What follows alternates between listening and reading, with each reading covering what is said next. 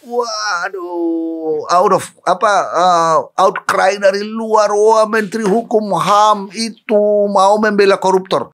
Kalau saya mau melakukan itu pada waktu ratas dengan presiden, mengapa nggak sekalian aja? Five, four, three, two, one, close the door. Tapi ini yang menarik bro. Kadang-kadang kebijakan pemerintah yang belum keluar, udah keluar dulu di wartawan. Ya that's so funny. Iya. Karena yang yang gua yang masalah tentang asimilasi, penjara Iya, dan sebagainya, lu iya. udah keluar dulu Iya. sebelum sebelum ada keputusan tertentu. Now I want to talk about that karena begini.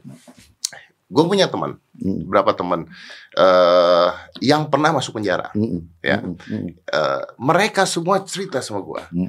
di penjara itu Mm-mm. tidak manusiawi Oh yes. dalam pengertian ti- tidur jejol-jejolan Yes, kayak ikan yes. asin dan Yes, sebagainya. yes. On the other hand, Ya, eh, brother adalah ham juga, ya, hukum dan ham. ya, Nah, ya, Ini kan hukumnya mereka dihukum, ya, tapi hamnya tidak Ya. dijalankan. ya. Mereka di situ disiksa. Maksudnya disiksa dan pengertian tersiksa ya, karena tidur pepet-pepetan. Ada orang mengatakan berebut napas. Yes, there even some story bro, Ya. yang cerita sama gua. Gua gak tahu ini bener apa enggak ya. Yes. Oke, It could sampai WC 1 beludak uh, the uh, the Yes. faces maaf uh, Yeah, kotorannya know, di mana-mana. You know know, that. I know. You know that. Artinya penjara kita sebenarnya udah tidak manusiawi. Memang itu persoalan kita. Kenapa? Ya, kenapa? 53% isi lapas itu narkotik offenses. Jadi pelanggar itu tindak pidana yang berkaitan dengan narkotika. It is uh, Lima, can you imagine one type of crime represent more than 53% of the total all crimes. Jenis-jenis kejahatan itu pencurian, pembunuhan, perampokan, korupsi, terorisme, perkosaan, you name it. A lot of crimes. but they are not as big as the They narkoba are not 53%. as big as narcotic related offenses. Bullshit, that's Yes. that's stupid. Kenapa? Kenapa? Undang-undang narkotik kita perlu direvisi. Tunggu bro, ini yang narkotik, ini bandar atau pemakai juga? Di seharusnya menurut undang-undang narkotika, pemakai kan bisa diakses untuk tidak dimasukkan ke dalam. Ya. But in practice, yang pemakai juga dimasukin ke dalam dihukum, ya kan? Yeah, this is Jadi dan yang siri itulah yang kemarin kita sebagian keluarkan. Ya, kalau yang narkotika, tapi bandar kita tidak mau keluarkan. Kadang-kadang ada undang-undang itu membuat sedemikian rupa tipisnya untuk menentukan kurir dan pemakai. Ah di sini moral hajatnya. Kadang-kadang penyidik bilang, "Wah, kamu pemakai, eh, kamu kurir." Padahal dia hanya stocking three, eh, three pills atau three Ya, apa berapa gram berapa gitu. gram kecil ya. Belum tukang gojek yang salah nganter. ya, ah, itu dia. Nah itu bisa disebut kurir. Kalau kurir minimal lima tahun. Dan persoalannya ada peraturan pemerintah yang mengatakan ya kalau dia eh, lima tahun apa itu hukuman dan termasuk Ah. kurir kalau tidak JC justice collaborator dia tidak dapat remisi. So can you imagine they have apa mereka punya hukuman tinggi tidak dapat remisi Masuk lah. akhirnya masuk dan kejahatannya lah begitu banyaknya orang tertangkap di narkotika tidak dapat pengurangan hukuman akhirnya yang masuk segini efek tutup botol terjadi terus kalau tren ini dit- diterus-teruskan tidak akan pernah kita menyelesaikan masalah You know what? You know what? This is very interesting. Uh, Ya. Gua kemarin ngobrol sama Pak Arman Depari Oh, ya. from the BNN. Yes, And then yes. I I, I uh, Krisno Siregar dari uh, kepolisian. Ya. He, he talked to me here. Uh, and this same Ya, podcast, di ya, podcast yang yes, sama. yes. Mereka berdua, ini kan orang-orang jenderal nih, Ya. jenderal tinggi di Ya, narkoba. ya. Mereka berdua, ini yang lucu. Uh, correct me if I'm wrong kalau gua salah tolong dikorek. Mereka berdua bahkan tidak setuju ini lucunya, Hmm. tidak setuju terhadap penangkapan-penangkapan kecil tersebut. Tapi di bawah, di kepolisian terjadi penangkapan-penangkapan kecil tersebut, Iya sih. dimasukkan ke dalam penjara, bro. Sorry, I Ya. correct. Dimasukkan ke dalam penjara. Eh, bro, kita semua bukan orang tolol. Kita tahu ketika dimasukin penjara, dari pemakai keluar bisa jadi bandar. Jadi can you imagine kalau pemakai kurir bandar dimasukkan ke penjara Belajar. bukan belajar pasar Ah, shit. Can you imagine that? Makanya kami capek banget ngurusin ini. Tiap Sekarang di kantor polisi yang belum kami tahan masuk itu sudah puluhan ribu. Dan ini akan masuk nanti karena sekarang karena COVID kami nggak mau terima kecuali yang ingkrah. Jadi walaupun kami sudah mengeluarkan 40, now waiting to be in almost Wait, I. I don't get this. I don't get this. Saya nggak nggak ngerti. Uh, You, you, uh, sorry ya. Oh, ya, ya. No problem, no problem. Kita Ya, jadi ya, ya, ini no nih. problem. Sorry No nih, bro, ya. problem. Bro, lu kan menteri, bro. Ya, Ya, lu tuh menteri. ya. Lu punya kekuasaan. Mm. Ya kan? Kan gampang untuk fix this. You just say that, oke, yang narkoba begini-gini nggak usah diginiin dulu. You you have the right to do that. No, because the law said Kenapa di dalam PP 99 saya sejak pertama jadi menteri sudah mau mengkorek PP 99 tapi karena di situ ada extraordinary crimes yang dibilang koruptor, teroris, bandar narkoba ya.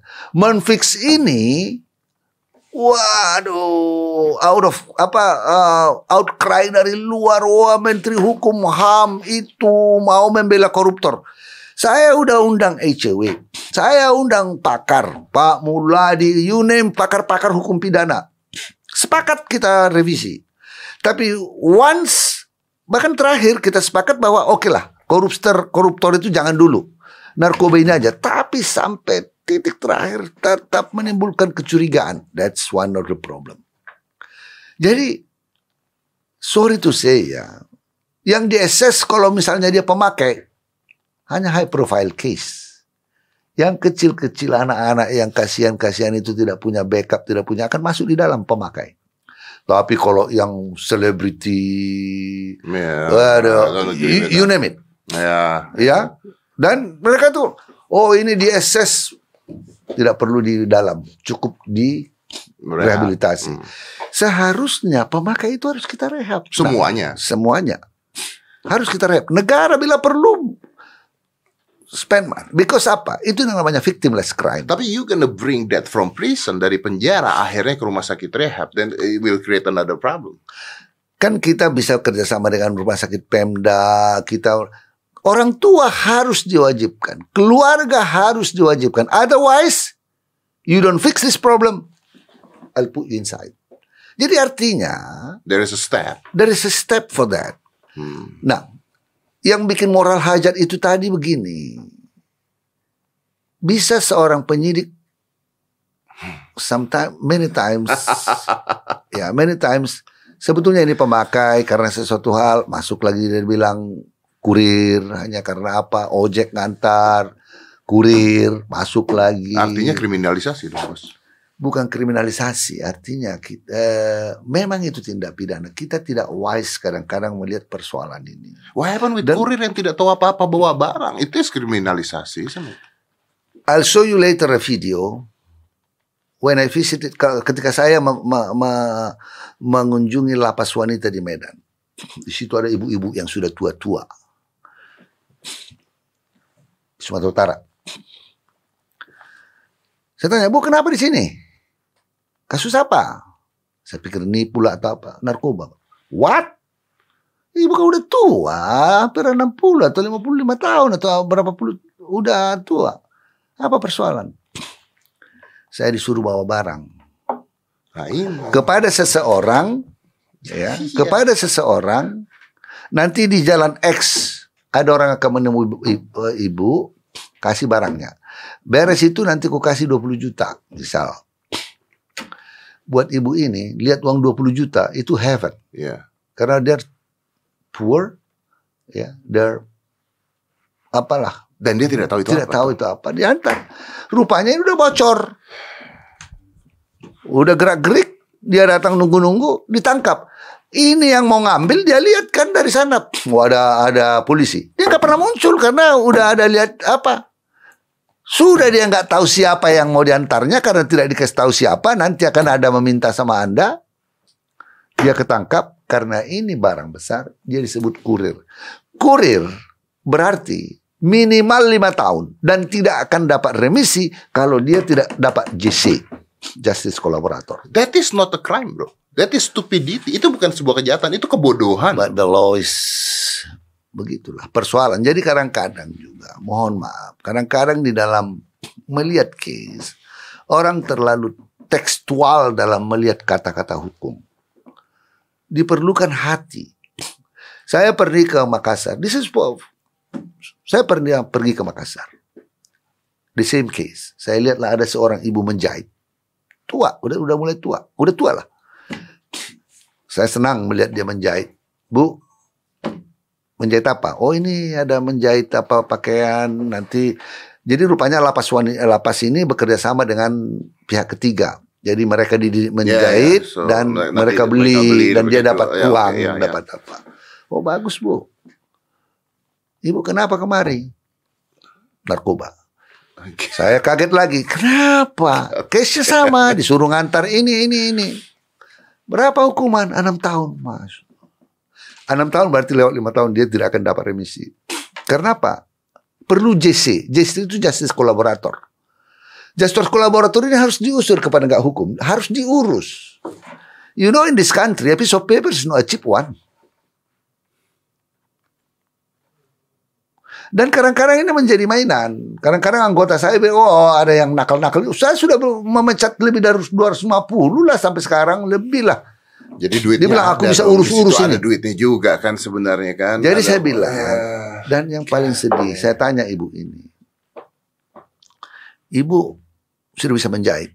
Udah, di mana di mana bisa menjahit di sini. Saya belajar di sini. Bahkan saya sudah bisa ngaji. Dulu saya nggak bisa ngaji. Bayangkan ibu-ibu ini tidak pernah ngaji, tapi nggak ada kerjanya di situ. Dia yeah. ngaji, dia jari apa? Dia jari menjahit, yeah. sudah produktif. It broke my heart. Saya tidak bisa kasih remisi kepada dia. You can't? No, because ada PP 99. But you're a minister. Yes, I have to change this law. Tapi waktu mau saya change this law, outcry di luar Menteri Hukum HAM mau berikan remisi ke apa. Masyarakat kita ini sangat punitif. Harus pergi lihat di dalam itu gantian tidur karena persoalan ini. 53% sekarang. Pernah sampai lebih 53% isinya narkoba semua.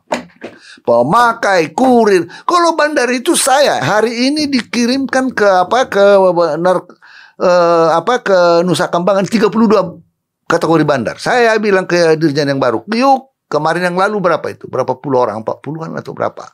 Ini lagi malam ini. Nanti 90 orang dari Jawa Barat akan dikirim bandar-bandar ke sana. Saya bilang sama Dirjen Baru, kamu polisi, kamu tahu apa? Pernah direktur narkoba. Saya mau kamu kirimkan itu semua begundal-begundal bandar itu ke sana.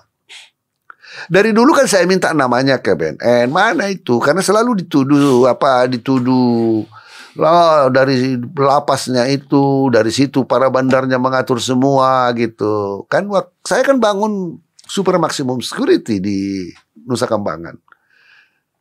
Untuk teroris dan bandar narkoba. Sekarang saya bilang pindahkan. Pindahkan yang bandar-bandar yang apa. Karena ini merusak generasi. Sekarang narkoba ini di kampung-kampung yang tidak kita bayangkan sudah menjadi persoalan besar kepada generasi muda kita. Makanya diperlukan kerjasama seluruh stakeholders. Dan pendekatannya tadi, kalau dia tidak ditreat, dia akan menjadi addicted lagi dan belajar mencari untuk memenuhi kebutuhannya. Bukan hanya edik karena addicted, dia menjadi kurir supaya dia cepat dapat. Iya. Lama-lama bandar, lama-lama cara Lama-lama bandar. Karena gini bener, this is why it's so stupid gini ya. Kalau seandainya ada orang punya niat jahat sama gua, dia bisa aja datang ke sini. Hmm. Dia taruh barang. Oh ya. Right? Dia telepon polisi. Begitu nyampe oh, sini, ya. and then ada barangnya.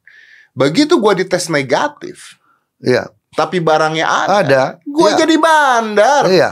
Yes, yes. Ini gampang banget untuk ngelakuin itu. This, akhirnya jadi aneh gitu hukumnya. Jadi itu yang saya bilang, revisi undang-undang narkotika ini penting. Saya pergi ke Belanda. Saya tanya, Gimana kalian menangani di sini? Di sana kan bisa. Di tempat-tempat tertentu. Paradigmanya adalah katanya. Kamu menganggap persoalan narkotik dari paradigma kesehatan atau dari paradigma hukum? Kalau paradigma kesehatan, you treat them. Kalau paradigma hukum, you send them all ke lapas. Which one do you pick? kami mau kepik ya udah memang karena this is victimless crime. Kalau dia narkotik addicted, they kill themselves. Ya. Kita nggak perlu masukkan dia ke penjara. Kita negara karena ini terjadi di negara, negara harus membantu mereka dan keluarganya. Kita katakan, oke, okay, this is your family. Kita harus mulai perbanyak juga karena ini menjadi nasional. Rumah-rumah sakit Pemda harus punya treatment khusus. Banti-panti sosial, eh, mens Kemensos harus punya ini. BNN harus punya rumah-rumah rehab. Udahlah spend a lot of money for that because this is now it's going crazy. Jadi jadi sebenarnya uh, lu mengakui bahwa memang di penjara ini sudah tidak ada hak asasi manusia ya. Oh ya ya. Di lapas-lapas yang over capacity. Yang over capacity. Iya. Nah, itu bisa bayangkan Dedi di satu ruangan yang katakan let's say lima kali enam, you put more 100 people there. Oh shit, man. Dan one kamar mandi, one shit. apa toilet, they have to take turn, take take turn. Kan tahu payahnya, tanya aja deh nanti Dani Ahmad Dani, how bad How bad was it? For oh, Danny tell me story like crazy. Dia bilang di situ kayak nggak usah disiksa, udah kesiksa gitu maksudnya because uh, di penjara umpit. Ya sih kadang-kadang kamu, kamu tidur, kamu tidur, pantat orang di belakang mukamu. Kalau dia buang angin, itu yang kamu cium di situ. Saya tidak bisa tahan kalau di lapas kami. Beda dengan bus. Kalau bus, lewat satu bus, isinya 40 orang Paling-paling dia tambah dua tiga orang. Ya kan? Ini sudah penuh. Di lapas saya saya bilang, "Eh, polisi, jaksa, jangan kau kirim kemari." Oh, marah dia dong. Kan tugas Anda mau apa? Tapi kan Anda menterinya, Pak. Iya, kan yang berapa?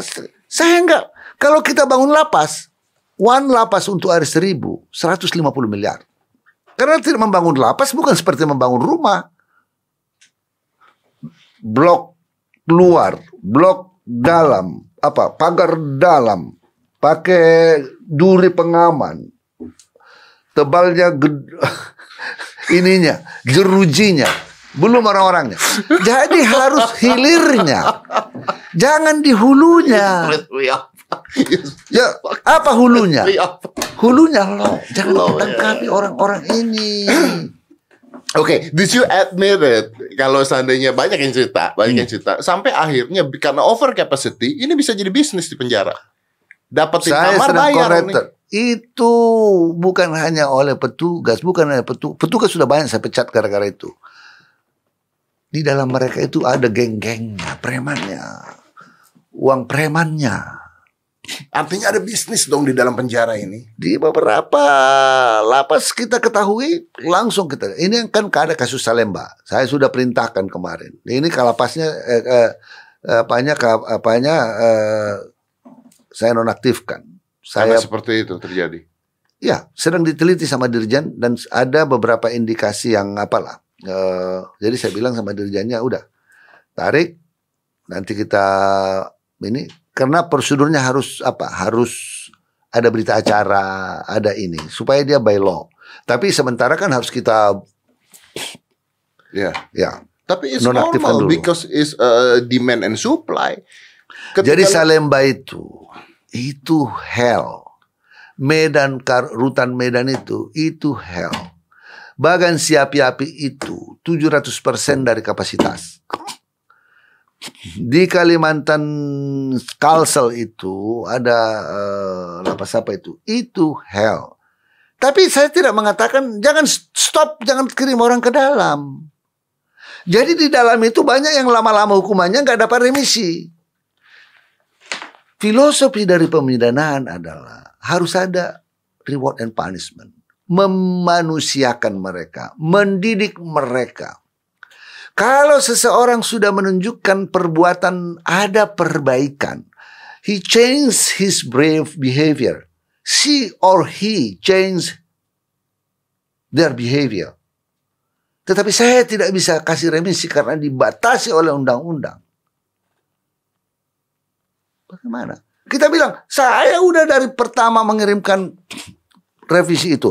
Bahkan dari periode yang lalu rencana undang-undang perubahan narkotika sudah didebat berlama-lama. Masih ada perbedaan antara stakeholders kami. Artinya institusi sama institusi. Saya bilang kamu. Oh. Dani itu sempat cerita sama gue. Uh, tapi gue gak tahu ini mungkin gue salah ya. sempat cerita sama gue. Ketika di dalam penjara itu yang rame-rame itu. Ini sama aja orang mau dibunuh katanya. Karena itu sebabnya terlepas dari dia bilang ya nggak suka sama saya atau karena eh, kalau ini, kalau Dani kan nggak suka bilang, sama semua orang. tapi dia dan. bilang, tapi dia bilang kebijakan Pak Menteri mengeluarkan orang-orang pada masa Covid ini saya support. Dia kirim surat. Karena apa? He knows. He has been there. He has been there. And you seen it kan kejadian-kejadian itu. Tapi kita tidak mungkin men mencari solusi ini dengan membangun lapas. You pemerintah tidak. Saya buat contoh. Saya jadi menteri. Masih 155 ribu isinya. Lapas dan rutan. Sebelum kita keluarkan program yang 40 ribu. Itu sudah 270 ribu. 100 ribu. Katakan 100 20 ribu yang bertambah. Net. Net dalam arti yang keluar dengan masuk lebih besar. Yang keluarnya sedikit, yang tambah bertambah. Kalau seribu berarti uh, seratus ribu, dua puluh, seratus dua puluh ribu bertambah. Asumsikan saja membangun seribu satu lapas katakan rata-rata seratus miliar aja membangunnya. Di luar personil dan lain-lain. Seratus miliar. Berarti kalau 10 untuk yang 1000 baru 10 ribu, 1 T. Kalau 100, 10 T. 120 berarti 12 T. Anggaran saya aja sekarang cuma 13 T dari seluruh kementerian. Dan tidak mungkin itu hanya untuk bangun lapas. Kita tidak melihat kejahatan itu. Makanya di dalam undang-undang KUHP yang baru kita mengenal sekarang kita introdusir apa yang dikatakan dengan retroaktif just, uh, restoratif justice. Yang kecil-kecil itu ada nenek-nenek silap, nah, jangan kirim ke dalam. Ya nyolong ubi, nyolong kayu. Kasih aja dia kerja sosial kah, apakah banyak lah yang tipiring atau kerja-kerja lain saya katakan masyarakat kita ini sangat punitif. Sedikit aja orang dikasih remisi. Yang pertama ditanya, wah oh, remisi. Come on. Itu sains. Reward and punishment. Kalau dia berkelakuan baik, you give them reward. Kalau dia berkelakuan jahat, That you punish them. Tapi karena aturan ini, ya itu stupidity daripada PP 99 itu dulu. Oke, okay. now, now, now, uh, apa yang bisa lakukan kalau gitu? I mean, uh, saya sekarang sedang merevisi undang-undang narkotika dan saya mau mengarahkan kita akan membahas undang-undang lembaga pemasyarakatan. Filosofi itu harus kita pertahankan. Kalau Tuhan, kita ini tidak ada manusia yang sempurna. Kalau kita berdosa, Tuhan tidak pernah memaafkan kita. Semua manusia ini mungkin hanya berapa orang yang masuk surga. Yeah. Ya, tapi kita ini manusia kadang-kadang bilang, wah hukum, hukum, masukkan penjara. Happy banget kita. Bahwa kita harus hukum, yes. Tapi there is a way to do that, ya. Ya, but if they behave good, mereka sudah mengikuti aturan, di dalam sudah baik. Dan kalau seorang karena addicted, don't put them inside. Kirim dulu ke keluarga. Kita kasih tahapan. Keluarga kamu didik dia. Bawa. Kalau tidak, saya masukin. Baru. Tapi, tapi bro, dengan apa pun keputusan lu, lu tahu kan bahwa ini akan diserang lagi. Ya udah, memang makanya saya bilang kita robah ini undang-undang dan ada orang yang dulu ya ini dulu pernah bahkan sudah sama presiden sepakat. Saya sudah jumpa sama Mahkamah Agung untuk membuat kebijakan khusus pemakai narkoba yang ada di dalam dituntut pemakai narkoba. Ada sekitar 20 berapa ribu, hampir 25 ribu. Itu kira-kira 4 tahun, 3 tahun, uh, mungkin 4 tahun yang lalu. Ya, 4 tahun yang lalu.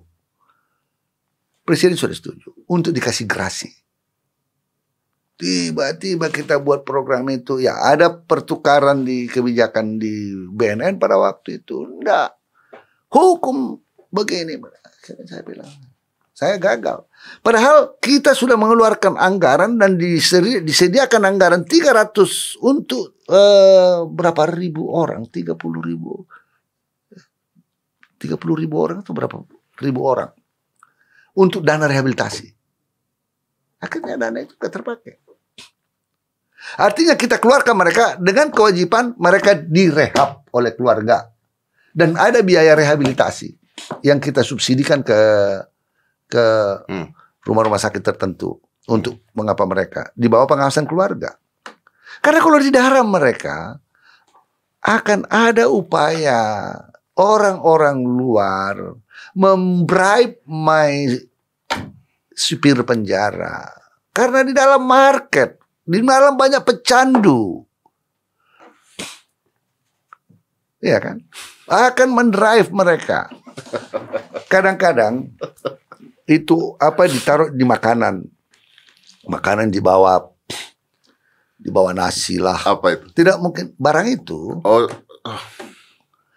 Kan bawa dia nasi di sini, taruh di plastik barangnya di bawah nasinya. Maka masa kamu udek-udek nasinya? Kan diperiksa-periksa juga, tetapi kan nggak mungkin kita bongkar yeah. tuangkan nasi. Kadang-kadang orang kan berbicara kadang-kadang mudah saja, tapi pencuri itu dan apa itu selalu they know how to to trick you. Yeah. Tapi once ketahuan, eh, memang memang mereka harus kita hukum berat. Petugas kita harus. Tetapi selagi ada where di mana ada semut, di mana ada gula di situ ada semut. Yeah. Makanya some of them uh, penjaga juga bisa di bribe juga. Because Makanya hilirnya yang harus kita selesaikan. Undang-undang narkotika tentang ini JC ini harus kita koreksi secara arif. Ya, saya katakan ya soal JC Justice Collaborator bukan di tempat saya seharusnya. Jadi JC itu ditentukan pada waktu pengadilan. Pengadilan mengatakan, oh kamu tidak kolaboratif. Yang seharusnya hukumannya tiga tahun karena tidak kolaboratif. Ya, dikasihlah lima tahun. Ini ndak, kita yang disuruh menghukum dia jangan kasih remisi. Harus karena apa? Pengurangan hak itu hanya dengan dua cara. Undang-undang atau keputusan pengadilan. Ya, ya. Jadi ini tidak kalau kita karena ada PP 99. Saya bilang ini yang mendesain PP 99 ini ndak ndak ndak thoroughly thought about the consequences. Oke, okay, here's the time. Uh, gue mau protes sama lu bro. Ya. Yeah. Oke. Okay. Pada saat itu, uh, you want uh, mengeluarkan ada program asimilasi dan yeah. sebagainya, ya. oke, okay? yeah. yang yeah. koruptor dan sebagainya, oke? Okay? Bukan, koruptor belum diputusin, yeah, yeah, yeah. diputusin. But there is yeah. an idea, there is an idea. No, begini ceritanya. I'll correct you. Jadi waktu saya di Komisi 3, itu saya marah sama Naswa waktu itu. Waktu di Komisi 3, jadi kita sudah mengeluarkan keputusan. Di ratas saya lapor ke presiden. Yeah. Kebijakan saya. Kebijakan kita Pak Presiden begini, mengeluarkan ini COVID, ini uh, anjuran Komisi Komisioner uh, Tinggi PBB, uh, Komisi HAM PBB dan juga uh, Komnas HAM dan lain-lain banyak negara di dunia sudah melakukan itu. Kita harus keluarkan kebijakan ini dengan syarat ini. Tidak ada koruptor, tidak ada teroris, tidak ada ini. Ya kan? Narkoba juga tidak ada. Tidak ada. Bandarnya. Bandarnya. Tidak. Udah. Saya diundang rapat Komisi 3 virtual. Saya jelaskan lah ini kebijakan pemerintah mengeluarkan napi integrasi ini ini ini. Saya tidak perlu sebut adalah protes dari Komisi 3. Mengapa diskriminatif? Oh.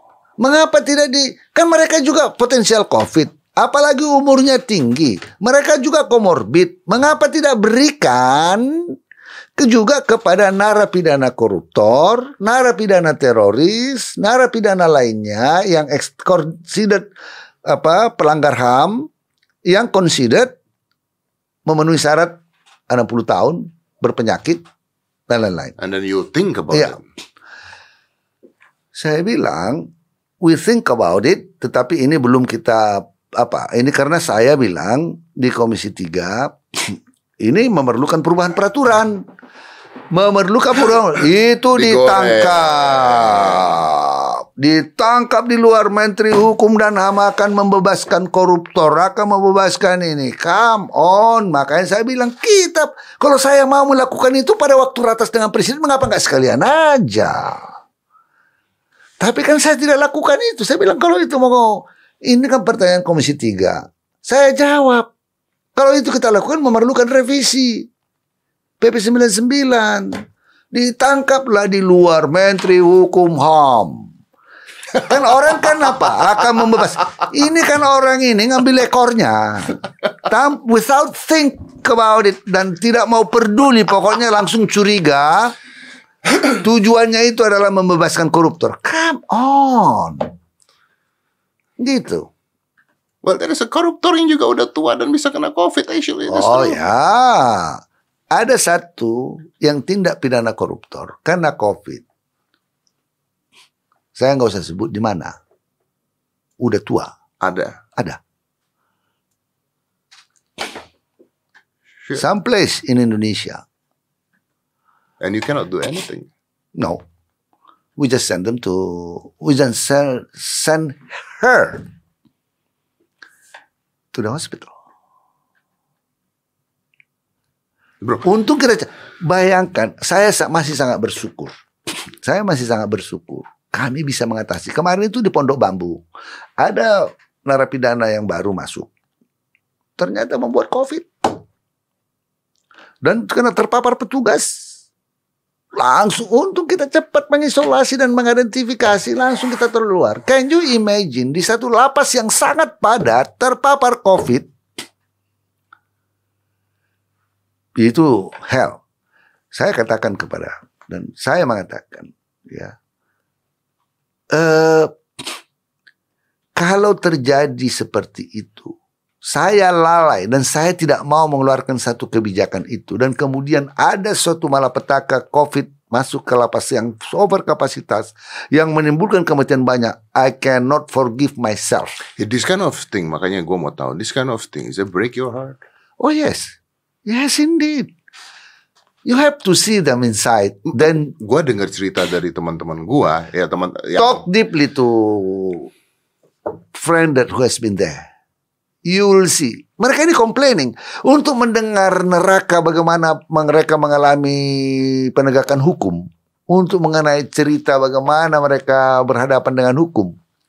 Karena mereka ini kan udah ada kerjanya di dalam talk apa kamu akan lihat kadang-kadang ketidakadilan yang mereka hadapi.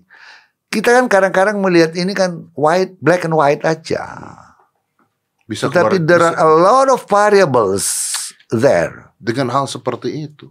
Bisa aja ketika mereka masuk dan mereka merasa mereka tersiksa, keluar jadi lebih jahat. Oh iya. Kan makanya dalam ilmu ilmu kri- kriminologi kan dikatakan prison can be a school of crime, can be a school of crime. Ya. Yang awalnya pencuri ayam menjadi pembobol rumah. Can be. Makanya program-program pemandirian kita lakukan. Ya. mendidik mereka. Kita bekerja sama dengan pihak ketiga. Ada yang sukses. Di dalam itu sebelumnya kita ajar menjadi apa? Menjadi untuk tukang kue. Kemudian dia menjadi pengajar pembuat kue dan dipakai di Holland Bakery. Ada yang jadi montir dipakai di apa? Ada yang diajar apa? Yang di Sulawesi itu, Sulawesi Tengah atau apa itu? Eh nanam di apa itu hidroponik. Dia sekarang punya omset miliaran, belajar dari lapas dengan hidroponik, dia buat makanan-makanan sehat dengan hidroponik. Ada a success story out of the But there's also a a lot, lot of problems. lot of Yes, I problems know. In this world, outside of prison also, there is a lot of garbage. You know. Gue minum dulu, gue stres Yeah. Do you want coffee? Mau kopi bro? No, no, this is enough. You see, it's not the black and white or just simple things. It's very complicated. Wah gila ya. Berarti Kalau gue jadi lu gue gak bisa tidur tuh. oh berat. Ngeliatin orang dari cerita orang aja udah Jadi, serem apalagi ngeliat ap- sendiri. Kalau di lapas-lapas yang padat itu 5 meter, the smells is so bad and it stick dan lengket itu di baju kita.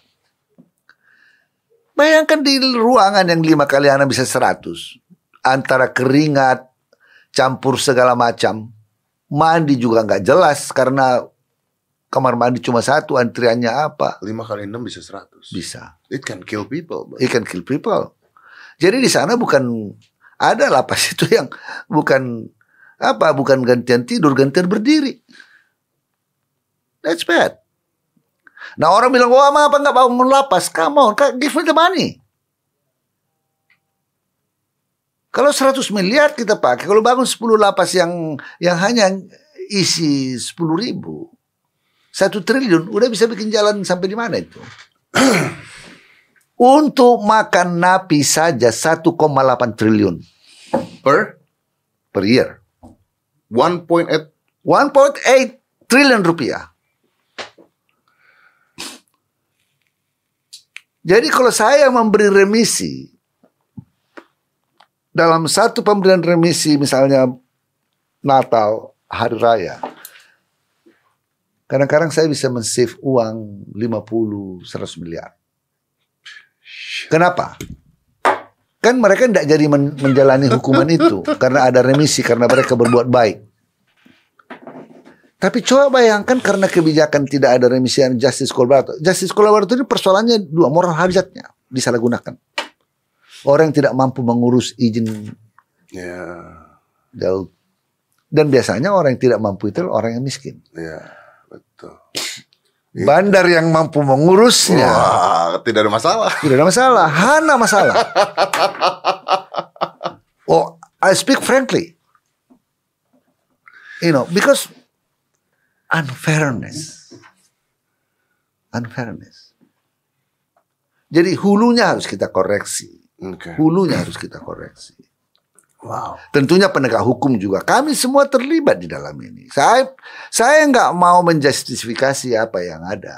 Tetapi this is classical problems. It has been there. Iya, Siapa saja. Iya, iya, betul, betul. What is the best country di dunia yang bisa menangani ini? Do you know? Ya Belanda kita sampai kosong penjaranya.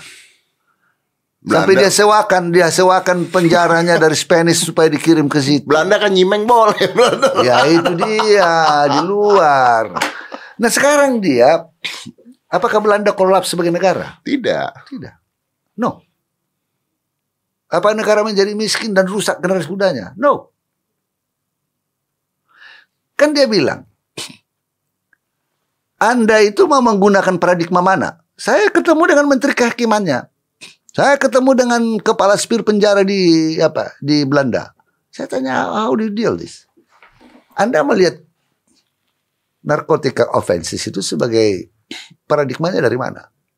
Daripada melihat dari paradigma kesehatan atau paradigma hukum. Kalau Anda mengatakan hukum, semua hukum masukin ke penjara ya ma- memang penuh. Memang penuh. Apalagi kita nggak bisa me- mengapa menampung eh, mencegah apa namanya narkoba masuk. Ya, Karena apa? That's a huge business. ya, Hukum ekonomi berlaku. ya, Orang nggak takut hukuman mati memasukkan karena apa? Bisnisnya besar. ya. Ya, for sure. Makanya saya katakan, menangani narko- narkoba ini memang harus ada strategi nasional yang utuh. Satu campaign. Kalau di Amerika waktu saya sekolah anak saya bilang pakai baju, Ya. say no to crime, Say no to- so no to drugs, so no So say no to drugs like zaman Jimmy uh, zaman Ronald Reagan dengan Ibu Nancy Reagan. Ya, ya. Do you remember that? Ya, I remember that. Yeah, I remember that. Big campaign in every school you introduce pendidikan-pendidikan anti Artinya dari narkoba. kecil, dari Memang mereka sudah dari pelajaran diintroduce. udah digituin. Dari TK, dari Ya, SD, dari ini Ya. tokoh-tokoh agama semua gerakan nasional ini. Atau sahkan ganja, Pak. Di beberapa negara, Iya. Australia sudah beberapa negara. Saya sudah. in Vegas kemarin semuanya bau ganja. Ya, saya pergi ke Belanda, saya bilang, oh, Iya di New York sudah mulai. Udah mulai betul. Karena you cannot fight it. Ya, I talk to Bang Arman Depari. Bang Arman mengatakan begini, lah saya ini kan penjabat negara. Saya mengikuti undang-undang katanya. Gue juga nggak mau nangkepin. Kalau undang-undangnya ganja bilang boleh ya udah kata dia begitu soalnya. Jadi memang ini. Jadi itu yang saya katakan. Itu yang saya katakan. Paradigma kita apa? Tapi kadang-kadang kan ini di publik itu sedikit saja langsung menuduh suuzon. Oke. Okay. Hmm. Oke, okay, ini menarik ketika you're talking about the public. Sekarang pertanyaannya begini. Apakah Anda percaya semua opini publik itu benar publik? I don't think so. Kita tidak boleh tidak kita tidak boleh memonopoli kebenaran. Sometimes saya dikritik orang kurang apa? Kalau saya baca medsos, ya, wah bisa stres kita. Bahasanya kasar, tidak santun, Hmm. Saya bilang, saya hanya menghadapinya begini. Kalau sudah begitu bahasanya, he's an educated person. Atau orang yang tidak terdidik. Untuk apa saya bother pikiran saya dengan orang-orang yang tidak terdidik yeah, yeah. dan uneducated you read it for person? Seconds, you wasted my time. You read for second, you got stressed for hours. Yeah. Gitu kan because of one why, comment. Why I have to waste my time for this stupid comments? Karena apa? Yang punya yang netizen itu yang punya smartphone Mulai dari SD tidak sekolah smartphone murah sampai iya kan sampai yang highly educated person. Iya. dan mereka satu suara di netizen. Memberi komen so if you keep thinking about it you get stressful.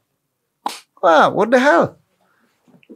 Why should I think about such of apa? Kadang-kadang saya bilang garbage. Ya, ya. nah mereka sekarang mengatakan bahwa pemerintah punya buzzer untuk jadi netizen. Um, I don't, I don't know. Dan kalau gue ngeliat di sini, mungkin pemerintah punya buzzer, tapi netizen juga kayaknya ada kelompok-kelompok tertentu yang ada. punya buzzer juga. Tidak kadang-kadang kita ada. lihat, saya kan kadang-kadang lihat. Ya dong. Kalau di Instagram, nah. followernya hanya dua dan Betul. postnya hanya post saya tengok hanya sepuluh. Yang untuk ditujukan untuk apa saja, untuk maki-maki aja, gitu. Kan kita cek, ini orang kok Kok apa? Kadang-kadang juga ada robot lah. Tapi oke okay lah, katakan manusia. Kita cek gitu kan, sudah identitasnya tak jelas. Kita lihat followernya, postnya hanya ini. Makanya saya akan apa? Saya uh, pernah bikin di di Instagram saya, ya. Saya bilang begini, always remember, hoax and rumors, ya, are spread by fools. Ya.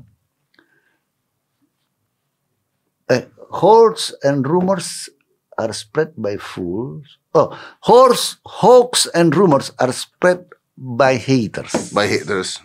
by haters. And then? Believed by fools. Believed by fools. And accepted by idiots. Saya bilang begitu. No, well you laugh. And I like that quote. It's, it's not my quote. I know. Tapi it works, bro. maksudnya sampai iya, iya, kita iya, iya. Ini maksudnya kita Aduh. sakit hatinya sampai besok. So, iya, sakit hati. Iya kan. Tapi akhirnya saya bilang-bilang, aduh, yang goblok kita ya. Iya. Saya bilang, why should you stupid is, to live this kind of BS gitu. Yeah, listening to this iya, gitu kan ngapain, gitu kan? ngapain juga. Kamu ribut aja. Yang penting, as long as you believe that what you are doing is right, yeah. a good cause, because tidak ada satu kebijakan pun yang diterima oleh 100% manusia. Seperti yang saya katakan, Steve Jobs bilang, if you like to make everybody happy as a leader, just sell ice cream. Tadi tadi kita ngobrol tuh. Iya. But even though selling even though sometimes ada mama yang marah, yang marah. Tetap iya. Tetap aja. You cannot make everyone happy. No, no, no, no. Apalagi pengambil keputusan keputusan-keputusan publik. Nampak aja mudah. No, I know it's not. Nampak aja mudah. I know it's not. Eh, eh, anyway, gua, gua uh, berarti dia bapak, bapak presiden tahu dong tentang masalah penjara ini kan, tahu kan? Oh tahu. Can he do anything? Dan kemarin itu sudah dia bilang, nah ini ada lagi kita akan mau nambah. Presiden sudah memberikan perhatian yang sangat concern, terutama juga kepada anak-anak. Oke. Okay. Anak-anak. Apa? Lapas anak. Dia beli pendidikan harus ada kepada mereka. Oh ya, tapi itu nggak menyelesaikan masalah yang tadi. Iya tidak. A apa yang ap apakah presiden bisa melakukan sesuatu? Apa? Ya itu tadi perubahan itu kita sudah usulkan ya, tetapi masih ada internal kami di pemerintah lah antara polisi, jak, kepolisian, kejaksaan yang harus melihat ini. Saya bilang kita harus lihat hulunya soal undang-undang narkotika. Jangan dari segi penegak hukum lihat dong. Lihat apa implikasinya kepada ini. Kita harus sepakat di sini. Kalau gue mau negatif thinking, bisa aja tidak mau dirubah karena ada bisnis juga di dalam. No, no, I don't, saya nggak sujon di situ. Yeah. Tetapi, you know, you can, you can think, you, uh, jadi right bisa berpikir, you have the right to think about it. I mean, the, it's a huge business, a man. Huge Selama masih ada pasar besar, yeah Apa pun dibilang hukuman, mati hukuman, pancung hukuman, bisnis. Karena apa? The big guy yang dari international uh, apa itu uh, drug lords. Dia di luar kita nggak bisa jangkau seperti Amerika. Amerika bisa dia kejar ke Nicaragua. Kita nggak bisa kejar sampai ke China ke mana-mana. Mereka tetap kirim kemari. You cannot take them. Di sini jadi korbannya doang. Kini kita korbannya. Ya, betul. Sepanjang harga itu menjadi mahal di sini, Delsen. Karena karam pun satu bot, dia masih punya uang banyak, tinggal produksi aja kok nggak susah dari triangle di sana, dari mana-mana, bisa dia kirim. Makanya sudah ditangkap, sudah di gak ngaruh, ini, ya? gak ngaruh. Kenapa? Market. There's a market for that. Market itu dapat dikurangi rehabilitasi. Yeah all those addicted you have to rehabilitate. Satu. Kemudian yang belum terrehabilitasi kita buat campaign besar-besaran. Students, start from the students. Expose kepada mereka bahwa drugs can kill you. Yeah. Tunjukkan itu video-video bagaimana sadisnya orang yang itu. Yeah, Five, four, three, two, one, close the door.